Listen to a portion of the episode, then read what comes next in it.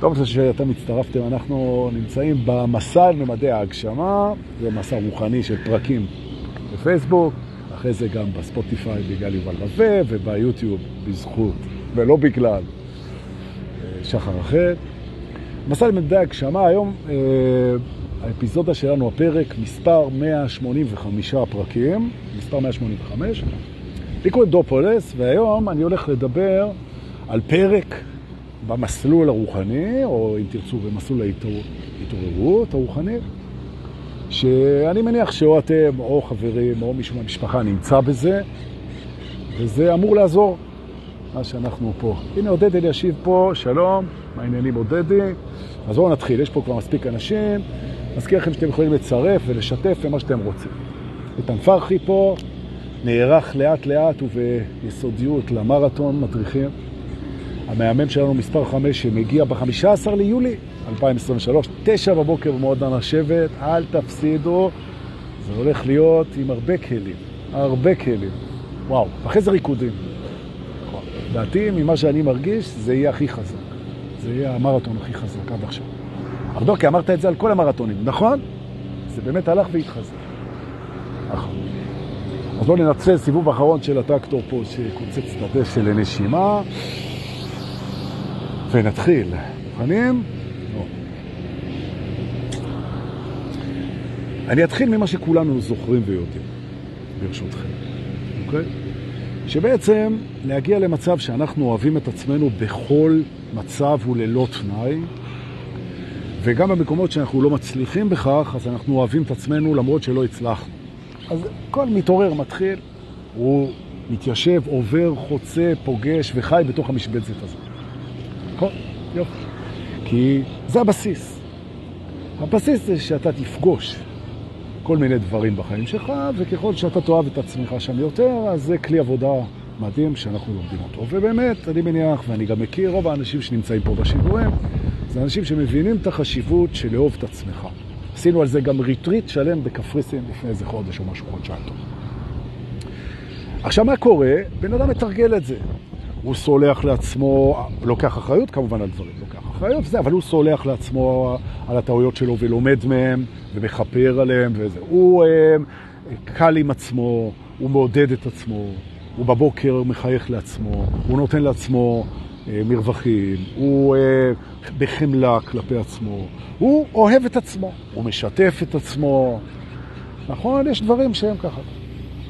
זה הופך את החיים להרבה יותר נעימים, הרבה יותר קלים והרבה יותר עשירים גם. אהבה עצמית, לאחר שברגע שאני אוהב את עצמי יותר קל לאהוב אותי, וגם לי יותר קל לאהוב אחרים, והאהבה תופסת מקום. כזה עד עכשיו התחממנו על הקווים. איזה יופי, הנה ערן נאור פה, אני שמח שבאת, איזה כיף. אז זה משבצת א'. עכשיו כשאנחנו מתחילים להיות uh, בדבר הזה, אנחנו מבינים את החשיבות של זה. זה מסוג הדברים שרק כשאתה מתחיל במסע אהבה עצמית, אתה מבין כמה זה היה חשוב וכמה זה היה נדרש. אוקיי. אנשים מגיעים לשיעור הזה של האהבה עצמית מהמון, מהמון צמתים שונים. וזה השיעור בעצם. השיעור זה תלמד לאהוב את עצמך בכל מצב. בדיוק אגב, כמו שאתה בדרך כלל אוהב את הילדים שלך, שזה מאוד דומה. כי ברגע שיש לך ילד, זה לא משנה איזה מין ילד זה, למעט מקרים קיצוניים, אבל אתה תאהב אותו. אתה תאהב אותו גם כשהוא לא יהיה הכי מוצלח בכיתה, וגם אם הוא לא יהיה איזה יפיוף, וגם אם הוא ידבר שטויות, וגם אם הוא היה נמוך או גבוה, הוא, אם הוא ייראה ככה, ייראה אחרת, אם הוא בחר להיות דוס, או אם הוא בחר להיות נווד, או שהוא לא בחר, או שהוא עשה שינוי מין, או שכל דבר. נכון? או שחס וחלילה נהיה פוליטיקאי אפילו, שזה כאילו הכי קשה, ואתה אוהב אותו. אבל דוקי, אתה מכניס סאטירה בתוך... אז תמחקו את זה, לא... טוב, בסדר. מה, מה קשור עכשיו פוליטיקה באמת? מה הפכת לי פה ל... נכון, סליחה, טעות. תדע לסלוח על הטעויות שלך, תבקש עליהם סליחה, סליחה, ואהבה עצמית. אוקיי. בסדר. עכשיו מגיעים לשיעור הזה אנשים מכל קצוות הקשת של הקוסמוס. וזה בתור מורים רוחניים, ואנחנו נדבר על זה גם במרתון, אז אנחנו פוגשים את זה המון, שאנשים נכנסים לתוך השיעור הזה מכל מיני זוויות. וכשאתה יושב בהדרכה עם מישהו, זה מאוד חשוב לראות מאיזה זווית הוא חדר אל השיעור הזה. כן? ומה, מאיפה, מאיפה הוא הגיע. יש כאלה שמגיעים מאיזה משבר זהות, יש כאלה שמגיעים מנטישה של מישהו, יש כאלה שמגיעים מכישלון, יש כאלה שמגיעים ממחלה, יש כאלה שמגיעים משיא, מאיזה הצלחה, יש כאלה שמגיעים משינוי מדהים, יש כאלה מאובדן, כל אחד נכנס לשיעור האהבה העצמית ולומד אותו. ואנחנו בתור uh, מדריכים רוחניים, וכל אחד יש פה מדריך רוחני, כן, זה, אליהם אני מדבר. אני מדבר אל המדריך הרוחני שנמצא בך. וזה שהוא יכול להשתקף לך באנשים שהם מדריכים שאתה לוקח מהם הדרכה, זה בסדר, אבל זה עדיין אתה לומד את ההדרכה. אז בעצם זה מעניין לראות מה הביא אותך לשיעור, וזה כנראה היית צריך ללמוד את החשיבות של האהבה עצמית. ועכשיו אני רוצה לדבר על צומת שממנו הרבה אנשים נכנסים לשיעור הזה, ולהסביר להסביר את התרגיל הזה, ותבדקו, א', אם יש מישהו שאתם מכירים, שהוא עבר את זה, או שאתם בעצמכם. הצומת הזה זה הצומת של ה-being doing. מה זה צומת being doing? שיש הרבה מאוד אנשים, הרבה מאוד אנשים. אני פוגש בסשנים, תודה רבה, ואני פוגש בריטריטים, תודה רבה, ואני פוגש בסדנאות ובמרתונים. תודה רבה.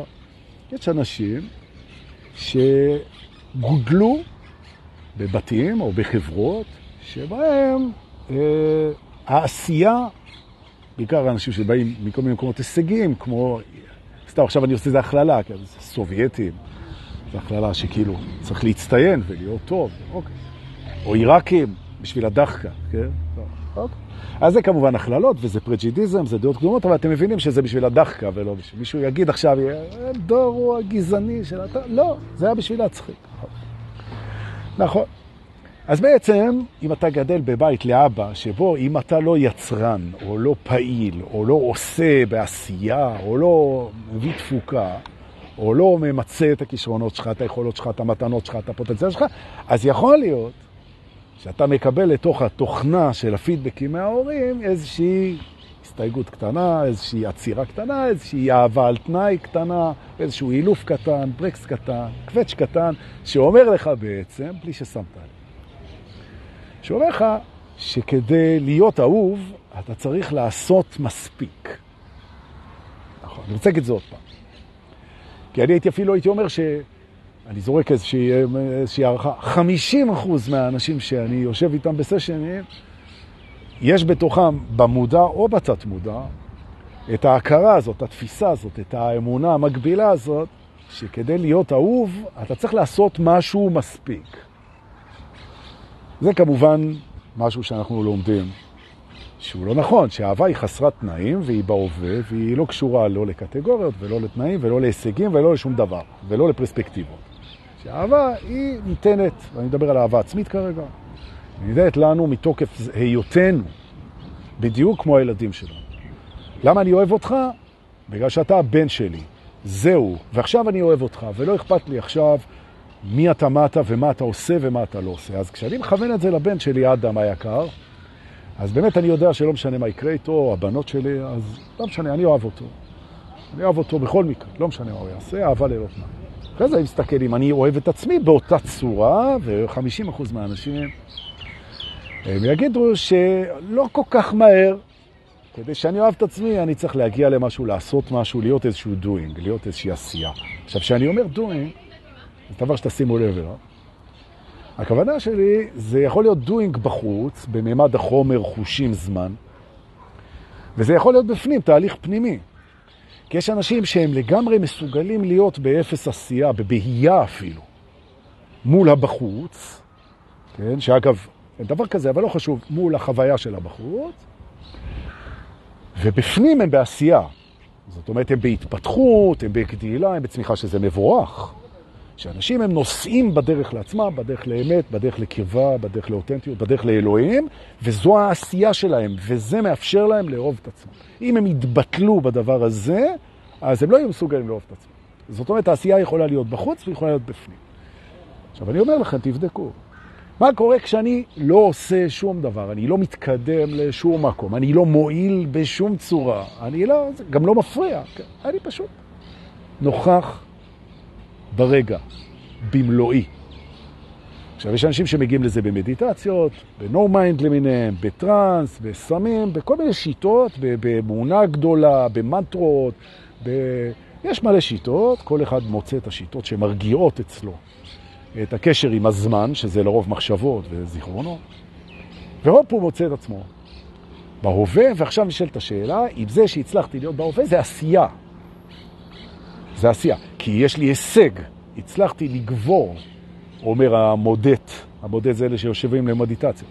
אומר המודט, הוא אומר, יש לי תחושת הישג, הצלחתי להרגיע את המחשבות ולהיכנס לתדר שהוא מאוד בריא לי והוא מאוד טוב לי והוא מאוד מחובר והוא מאוד אמיתי והוא מאוד אלוהי וזה הישג גדול ואני גאה בהישג הזה וזה מקסים וזה נכון וזה הישג וזה מקסים וכל הכבוד. הבעיה היא שצריך לבדוק מה קורה אם אתה לא מגיע להישג הזה, האם האהבה העצמית שלך היא אותו דבר. אם כן, מעולה. ואם לא, אז על זה אנחנו מדברים. נכון. עכשיו, אנשים שהם לא מצליחים בכוחות עצמם או עם הדרכה כזו או אחרת, להגיע למצב שהם באפס פעולה, לא מחשבתית, לא רגשית, לא פעולה בשטח, לא בחומר, בכלום, והם בעצם מתרוקנים מהאהבה עצמית, הם הופכים ל... הם הופכים לכלום גם ביכולת שלו, כי אין את מה לאהוב. אומר ה mind, אומר הרגש, אומר הזיכרון, אומר את התפיסה. עכשיו שאני לא עושה כלום, את מה אני בדיוק אוהב פה? אני מיותר. לא, סתם אני יושב פה וצורך משאבים. נושם. עכשיו, בן אדם אומר, לא, אני חושב מחשבות טובות ליקום. או, הנה, יש לי הישג, אז אני יכול לאהוב את עצמי. אז אני אומר, זה נכון, מחשבות טובות זה עוזר ליקום, וזה הישג, אבל תאהב את עצמך גם בלי זה. והם לא מסוגלים. והאנשים האלה הם לא מסוגלים, ולרוב הם לא מגיעים אפילו למצב הזה, שהם מודעים לזה שאין בהם אהבה עצמית ללא תנאי. הם אפילו לא במודעות. רוב האנשים מגיעים לתוך השיעור הזה באפס מודעות, או במודעות מאוד נמוכה. פתאום הם מוצאים את עצמם, והנה אני, זה החלק השני שאני מסביר, הממצא, כן? האנשים האלה שהגיעו, וזה הכללה כמובן, פתאום הם מוצאים את עצמם במצב שאין להם כוח לעשות את מה שהם עושים. לא בפנים ולא בחוץ. אין להם כוח. האנרגיה של העשייה נעלמה. נוצר בלבול, אתה לא יודע מה אתה רוצה לעשות, אין לך כוח לעשות שום דבר. כל מה שאתה רוצה זה להתכנס לתנוחת עובר ולא יודע מה. וה... אם אתה תלך לפסיכולוג, אז הוא יגיד שאתה בדיכאון, הוא יגיד שאתה בחרדות, הוא יגיד שאתה בכל מיני, יש להם אבחונים לפי ה-DSM, ספר האבחון הפסיכולוגיסטי. אבל העובדה היא שאתה לא יכול להמשיך ככה, כמו שהיית, כי זה מצריך דברים שכבר אין לך. נכון? אתה, עכשיו, אז בהתחלה אתה מחליף את העשייה שהייתה לך קודם בחיפוש אחר מה קרה לך. ואז אתה פועל. ואז אתה איכשהו עוד יכול, יש לך קשר עם עצמך, כי אתה, מה קרה לי? אני הולך לטפל בזה, אני משתלט על זה, יש פה עניינים של שליטה. אני בוחש בזה, אני בודק את זה, אני מכיר את זה, אני חוקר את זה. אז אני עושה דברים, ולכן אני יכול לאהוב את עצמי עוד איכשהו. אבל אז זה נהיה יותר עמוק, והחקירה שלך היא מאבדת גם את החשק וגם את המשמעות. גם את החשק וגם את המשמעות. זה מאבד את זה. אתה אומר, יאללה, אני התעייפתי מלחפש כבר, והתעייפתי מלמצוא. ואתה עוד מספיק ישר עם עצמך בשביל להכיר בזה שלא בא לך לעשות מצד אחד שום דבר, ומצד שני אתה לא סובל את עצמך במצב הזה. וכשאנשים מגיעים אליי, ומגיעים אליי, אנשים במצב הזה, אומרים לי, תקשיב, אין לי כוח לעזור לעצמי, ואני לא סובל את עצמי שאני במצב הזה. וזה מצב מאוד מאוד מסובך מבחינת החוויה. כי אין לך את הכוח לעזור לעצמך ואתה לא סובל את עצמך. אז גם אין לך את החמלה העצמית, את האהבה העצמית, וגם אין לך כוח לעשות שום דבר, ואתה בבעיה. ואז בדרך כלל, בהתחלה אתה מנסה למצוא עזרות, ועזרות זה לא מספיק, אתה צריך לעשות את התהליך לבד, ואתה מה שנקרא נכנס למצב שאתה בעצם אבוד, כי לא מצליחים לעזור לך, לא משנה, וגם לא, לא תרופות, ושום דבר לא באמת עוזר לך, ואתה לעזור לעצמך לא יכול, ולכן לא יכולים לעזור לעצמך, ואתה תקוע שם. והתקוע שם הזה, חמוד שלי, זו אחת מהמתנות הכי גדולות שאתה תקבל וקיבלת אי פעם. נכון. מדוע? כי מה זה התקוע הזה בלי לעשות שום דבר, באפס מעשה, כן? לעשות באפס מעשה, גם לא, לא עושה. זה לשחרר בינתיים, עד להודעה חדשה שאתה לא יודע מתי תבוא, את ה doer, את זה שעושה. לא בפנים ולא בחוץ, אתה רק existing, אתה מתקיים, אתה הוויה, אתה המבה, אתה נוכח, ממצמץ בממד. זהו, אה, נכון, אוכל, שותה, טייל עם הכלב על הים, אם יש ים ויש כלב, ואם לא, אז לא יודע איפה אתה מטייל, אבל זהו זה. נכון. אז כשאתה מגיע למצב הזה, והרבה מגיעים, אז זה חשוב מאוד שיהיה מישהו שיגיד לך ויזכיר לך כל הזמן, ובהתחלה זה כמובן, שיש משמעות גדולה מאוד להסכמה להיות במצב הזה. והמשמעות נובעת מזה שהסיבה שאתה לא מסכים להיות במצב הזה, זה א', כי הוא מפחיד נורא, ואתה לא רוצה להיות במקום מפחיד, ואתה גם לא יכול לצאת מזה, שזה עוד יותר מפחיד, ולכן אתה מתוסכל על זה שאתה נמצא במקום מפחיד ולא יכול לצאת מצד אחד. ומצד שני, מה שתומך בך הכי הרבה בתהליך זה אהבה עצמית, ואתה לא מסוגל לתת לעצמך אהבה עצמית, כי אתה לא דואר, וגדלת במקום, או באת עם מטען שאומר שאם אני לא דואר, אז אני לא יכול לאהוב את עצמי, והופ, הנה אתה בכלא מפחיד, ללא יכולת שיוציאו אותך וללא יכולת יציאה. נכון. אז אם אתה מכיר מישהו כזה, אז תקשיב טוב כדי שתוכל לעזור לו, להדריך אותו, ואם זה אתה, או שזה יהיה אתה, אז א' זה מצוין, ושתדע להדריך ותשמור את הסרטון הזה. תשמור את הסרטון הזה. נכון. כי המטרה של הסרטון הזה היא אחת בלבד. היא אחת בלבד. היא לעזור במצב הזה. זה, זה הסיפור. בשביל זה אני עושה את זה. נכון? כי זה כיף לי.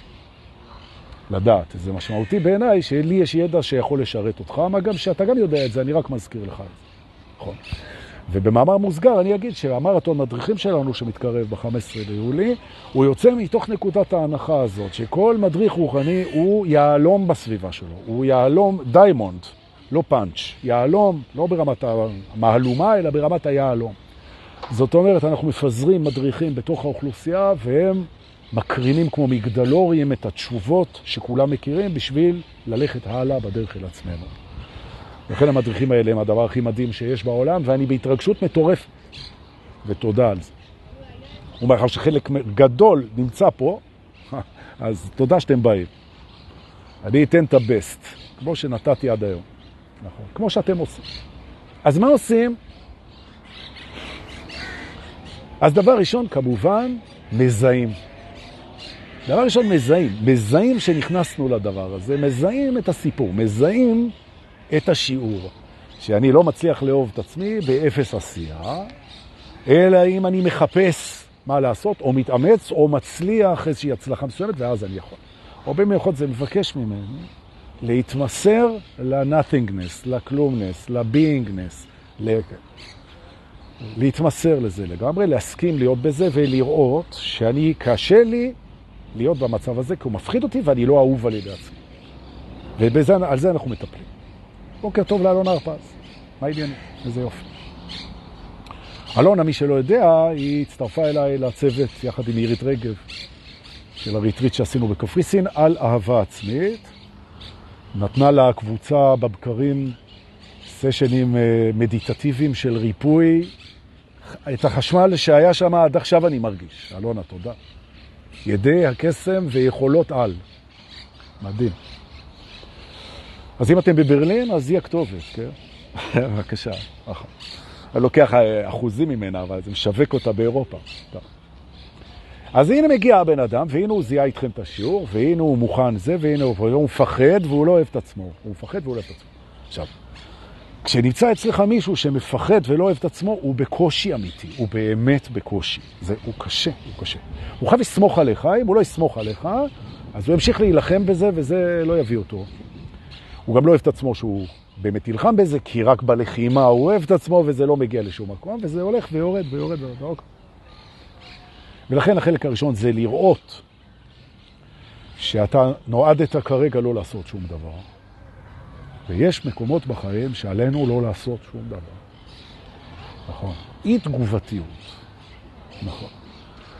נכון. לפעמים לא להגיב, לפעמים, במקרים מסוימים בחיים, הלא להגיב זה התגובה הכי נכונה, וזה אחד מהם. כי האי תגובתיות זה המקום שאתה לא יכול לאהוב את עצמך, אז זה.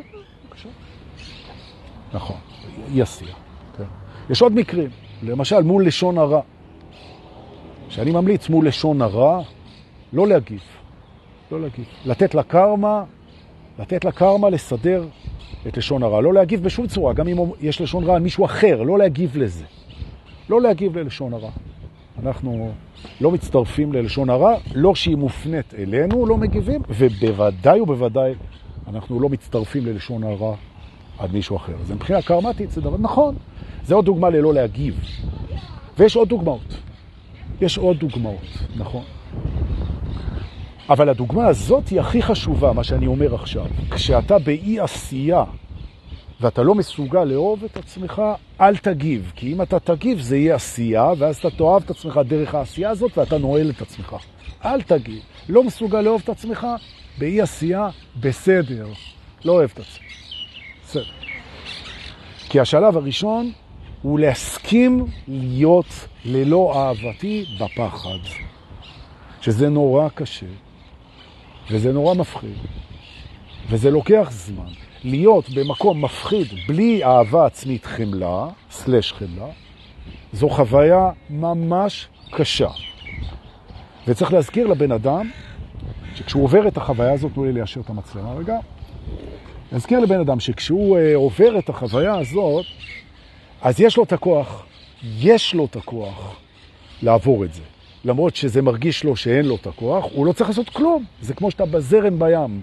אתה כל מה שאתה צריך לעשות, זה לא לעשות כלום. זרם שבורח מהחוף אחורה, זרם חוזר, שזה הסיבה ל-90% מהטביעות בים. ואני מזכיר לכם, שזה תמיד במקום שהמים מחפשים לחזור, וזה אפס התנגדות, והמקום הכי שקט בחוף זה תמיד המקום שבו המים חוזרים לעומק הים. אם אתה עושה את הטעות ואתה נכנס לשם, פתאום אתה נסחף איזה חצי קילומטר לתוך המים. והדבר הכי נכון, זה מפחיד נורא. זה לא להתנגד, כי אם אתה תתנגד אתה תטבע. זה לשחות עם הזרם הסוחף לתוך הים, הצידה, עד שאתה פוגש את הגלים שיקחו אותך לחוף. ומי שעשה את זה, הגיע בקלות החוף. ומי שלא עשה את זה, טבע. מה הסוד? לדעת מתי לא להילחם. ואתה אומר, יאללה, אני בפחד ואני לא אוהב את עצמי, אני חייב להילחם. לא. להסכים. הוא אומר, אז מה יהיה? אז מה יהיה? אני סובל וסובל וסובל וסובל, מה יהיה? והתשובה על זה, אתה לא יודע מה יהיה, אבל אתה כן יודע שהכל משתנה. אתה תסכים להיות בזה עם הזרם, ובנקודה מסוימת אתה תבין את הדבר שמנסים ללמד אותך. וזה ייקח זמן, וזה זמן מפחיד, וזה זמן בודד, וזה זמן מלחיץ, ואין לך חמלה, והעזרה לא עובדת בגלל שאין לך כוחות ליישם, ויום אחד אתה מתחיל להבין שאתה לא היית מסוגל לאהוב את עצמך בכל מצב, והנה הביאו לך את המצב שהוא הכי קשה לך לאהוב את עצמך. הביאו לך את השיעור. הנה המצב שהכי קשה לך לאהוב את עצמך בגלל כל מיני סיבות, ואם אתה תלמד לאהוב את עצמך במצב הזה, אז אתה הגעת לאהבה ללא תנאי. וזה שווה הכל. נכון. ואז אתה אומר, טוב, אז מה זה לאהוב את עצמי סך הכל? ואז אתה מגלה שלאהוב את עצמך זה לא כזה מסובך. זה לא כזה מסובך. אחד, זה לקבל את הדברים בלי התנגדות, שאתה אחד מהם. רק עכשיו, אף אחד לא ביקש ממך להיות בחיים אחד שלא עושה. אבל לפעמים אתה לא עושה. מה הבעיה לאהוב את עצמך בלפעמים האלה? האגו אומר, אתה לא עושה, אתה לא רואה לאהבה, אני לא עושה עכשיו.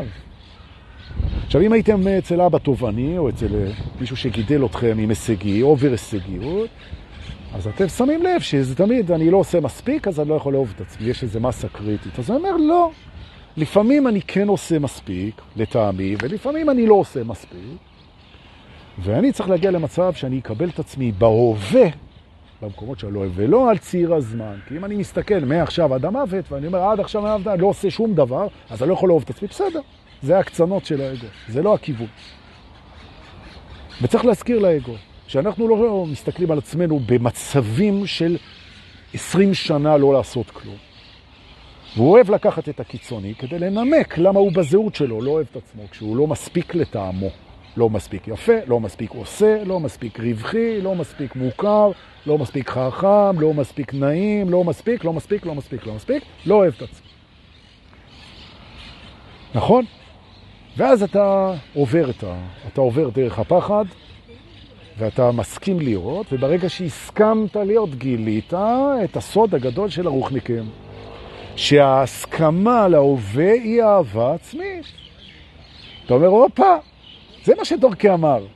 שאם אני אחכה מספיק זמן באי עשייה, בסוף אני אסכים לזה. כמו שהייתה לי איזה מישהי, שיכול להיות שהיא פה בשידור גם, שלפני כמה שנים היא הפסיקה לעבוד, אחרי שהיא עבדה קשה, הרבה שנים. עבודה תובענית, והיא הייתה קרייריסטית. והיא באה אליי ואמרה לי, תשמע, אני רוצה, אני רוצה להפסיק לעבוד, אבל, אבל לא מוצא את עצמי. מה, מה, אני פרזיטית? מה אני... מה זאת אומרת? אמרתי, זה לא העניין של הפרזיטיות, זה זה שאת לא מסוגלת לאהוב את עצמך כשאת לא קמה בוקר הולכת לעבודה. אומרת, אפילו אם יש לך 200 אלף שקל בחסכונות, זאת אומרת, חסכונות זה אני לא יודעת למה, אבל אני הולכת לעבודה, כי אם אני לא הולכת לעבודה אז אני פרזיטית. אבל יש לך 200 אלף שקל שחסכת, את לא פרזיטית, כן, אבל, אבל, אבל, אבל, אבל. אבל זה לא זה אבל. אני הולכת לעבודה, כי אם אני לא הולכת לעבודה, אני לא אוהב את עצמי. ולכן, אל תלכי לעבודה, אמרתי לה. לקחה אותי ברצינות. שלוש וחצי שנים היא לא עובדת, נכון? והכל בסדר. מצאה את הדרכים, והיה לה שלוש שנים, והיא למדה בשלוש וחצי שנים, תלמידה נהדרת. היא למדה לאהוב את עצמה למרות שהראש צועק פרזיטית, פרזיטית, פרזיטית, פרזיטית. גם אם אתה פרזיט, תאהב את עצמך. נכון. וביום שהיא הצליחה לאהוב את עצמה למרות הקריאות של הראש, ולמרות שהיא לא קמה בבוקר והולכת לעבודה, והיא אהבה את עצמה, קרה משהו. נכון, התודעת עבד באמת זה שאין בחירה. אתה חייב למצוא את עצמך בעבודה, אחרת אתה לא מסוגל לאהוב את עצמך. תודעת עבד, נכון. מי שכתב את זה. כי אני לא רואה מי כתב, רק את התגובה. אז בעצם אתה שואל את עצמך, האם בעצם אני בוחר? והנה התובנה השנייה. כי התובנה הראשונה זה, אתה אומר, וואי, בעצם ברגע שהסכמתי למצב שלי, הפסקתי להתנגד ושחררתי, אז בעצם אהבתי את עצמי. נכון. נכון, הסכמתי לשחרר את, ה, את ההתנגדות. ואני, זה מרגיש אהבה, אז הנה אהבתי, הנה אהבתי את עצמי, בלי לעבוד, בלי לעשות כלום. נכון. כי כבר שחררתי, אני לא משחרר ומשחרר ומשחרר, זה עשייה. לא, שחררתי, זהו, ויתרתי, זהו, שקט. וזה אהבה עצמית. אז הסכמה למי שאני עכשיו זה אהבה עצמית, אז הנה, פעם ראשונה אגב, אני מרגיש פתאום אהוב גם כשאני לא בעשייה, לא פנימה ולא בחוץ, וזה רגע גדול. וגם בשבילה הרגע שהיא קמה ולא הלכה לעבודה והרגישה שהיא אהובה ומקובלת על עצמה והכל, זה היה רגע גדול. והרגע שאתה מבין שאתה הורה נהדר גם אם אתה לא הורה מושלם, ושאתה מורה נהדר, גם אם אתה לא מורה מושלם, ושאתה בן נהדר, גם אם אתה לא בן מושלם, ושאפשר יותר, ולפעמים כדאי יותר. אבל עשית מה שאתה יכול, ואתה אוהב את עצמך עם מה שעשית, ואתה מקבל את עצמך ברגע. בוודאי שאתה שואף לתת כמה שיותר אהבה. אבל מה שנתת ומה שעשית, זה ראוי לאהבה, וגם אם לא עשית, זה ראוי לאהבה. אולי הערכה פחות, אבל הערכה ואהבה הם לא אותו דבר. נכון. ממש לא. כי האהבה היא ישות אנרגטית, והערכה היא המצאה של האגו. לכן זה לא אותו דבר. יש? יופי, שלום. בסדר, אז אנחנו הבנו את הרעיון הזה, ואנחנו יכולים להתקדם. ואנחנו מבינים שאתה יכול להיות במצב שאתה לא מעריך את עצמך לפי פרמטרים מסוימים, ואתה לגמרי יכול לאהוב את עצמך גם כלא מוערך. נכון? ממש. או ככל דבר אחר. עכשיו, כשאתה לומד את השיעור הזה, וזה שיעור מדהים, אתה אומר בעצם, אתה יוצא מזה, זה, יש אנשים שזה לוקח להם חמש שנים, יש אנשים שזה לוקח להם כל החיים, ויש אנשים שמבינים את זה בשעה, ומיישמים את זה, יש כל מיני אנשים. אז פה זה מביא אותך לשיעור הזמן, כי אתה בא ואתה אומר, רגע, כמה זמן זה ייקח לי? אז אני אומר, כמה זמן שזה ייקח לי, אני אוהב את עצמי. אם הגעת לזה, אז אתה לומד אהבה עצמית. נכון? זה שיעור נורא חשוב, כי אחרי זה היכולת שלך לאהוב ולהיות נאהב, היא עוברת דרך הצינור הזה. ולכן אם אתה אוהב את עצמך רק בתנאי שאתה צעיר, יפה, מוצלח, עשיר, אה, זה, זה, זה, רגיש, לא משנה מה, אז ברגע שהתנאי הזה יילקח ממך, אין אהבה עצמית, אתה מגיע למקום מפחיד והמערכת קורסת. ולכן אתם תצטרכו לבדוק את זה במשך החיים. האם אני יכול לאהוב את עצמי בכל מצב? נכון? אפילו במצב שבדרך כלל לא אוהב את עצמי, אז אני מצליח להגיע לזה, וזה הישג ענק, והוא עובר דרך לא להשיג שום דבר, כמו שאמרנו. טוב, איזה יופי. עכשיו אתה מבין את זה, ולאט לאט, זה יכול לקחת את הזמן, התובנה הרגשית, האנרגטית, חלחלה לתוך המערכת, ואתה אומר, וואו, הנה, קמתי בבוקר ואהבתי את עצמי למרות שאני לא איפה שרציתי להיות. אוקיי, זה, זה, זה, וזה בעצם איפה שרציתי להיות, והופה, נכנסת לאליינמנט. יופי, לחיבור עם הדבר הזה. עכשיו השיעור הצליח. ברכותיי, איזה יופי. עכשיו שים לב מה קרה. עכשיו הפכת למהותך. מה זאת אומרת? שמהי מהותך? מהותך זה לבחור. עכשיו, אם אתה בוחר לעשות, to be a doer, אחד שעושה, בפנים או בחוץ, אתה, לא, זה לא תנאי לאהבתך, זו בחירה. אתה יכול לבחור לעשות, ואתה תקבל את אהבתך, ואתה יכול לבחור לא לעשות, ואתה תקבל את אהבתך. ולפני המשבר לא היה לך את זה. לא יכולת לבחור לא לעשות, כי זה גם היה מפחיד, ולא היה לך אהבה. ומי בוחר במקום מפחיד בלי אהבה? אף אחד לא בוחר בזה. ולכן לא הייתה לך בחירה.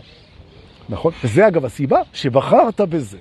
וזו התובנה האחרונה שאני אלמד פה היום. שלפעמים אנחנו בוחרים באין בחירה, מה שנקרא להיות תקועים, שזה בעצם ההתקדמות הכי גדולה שלנו.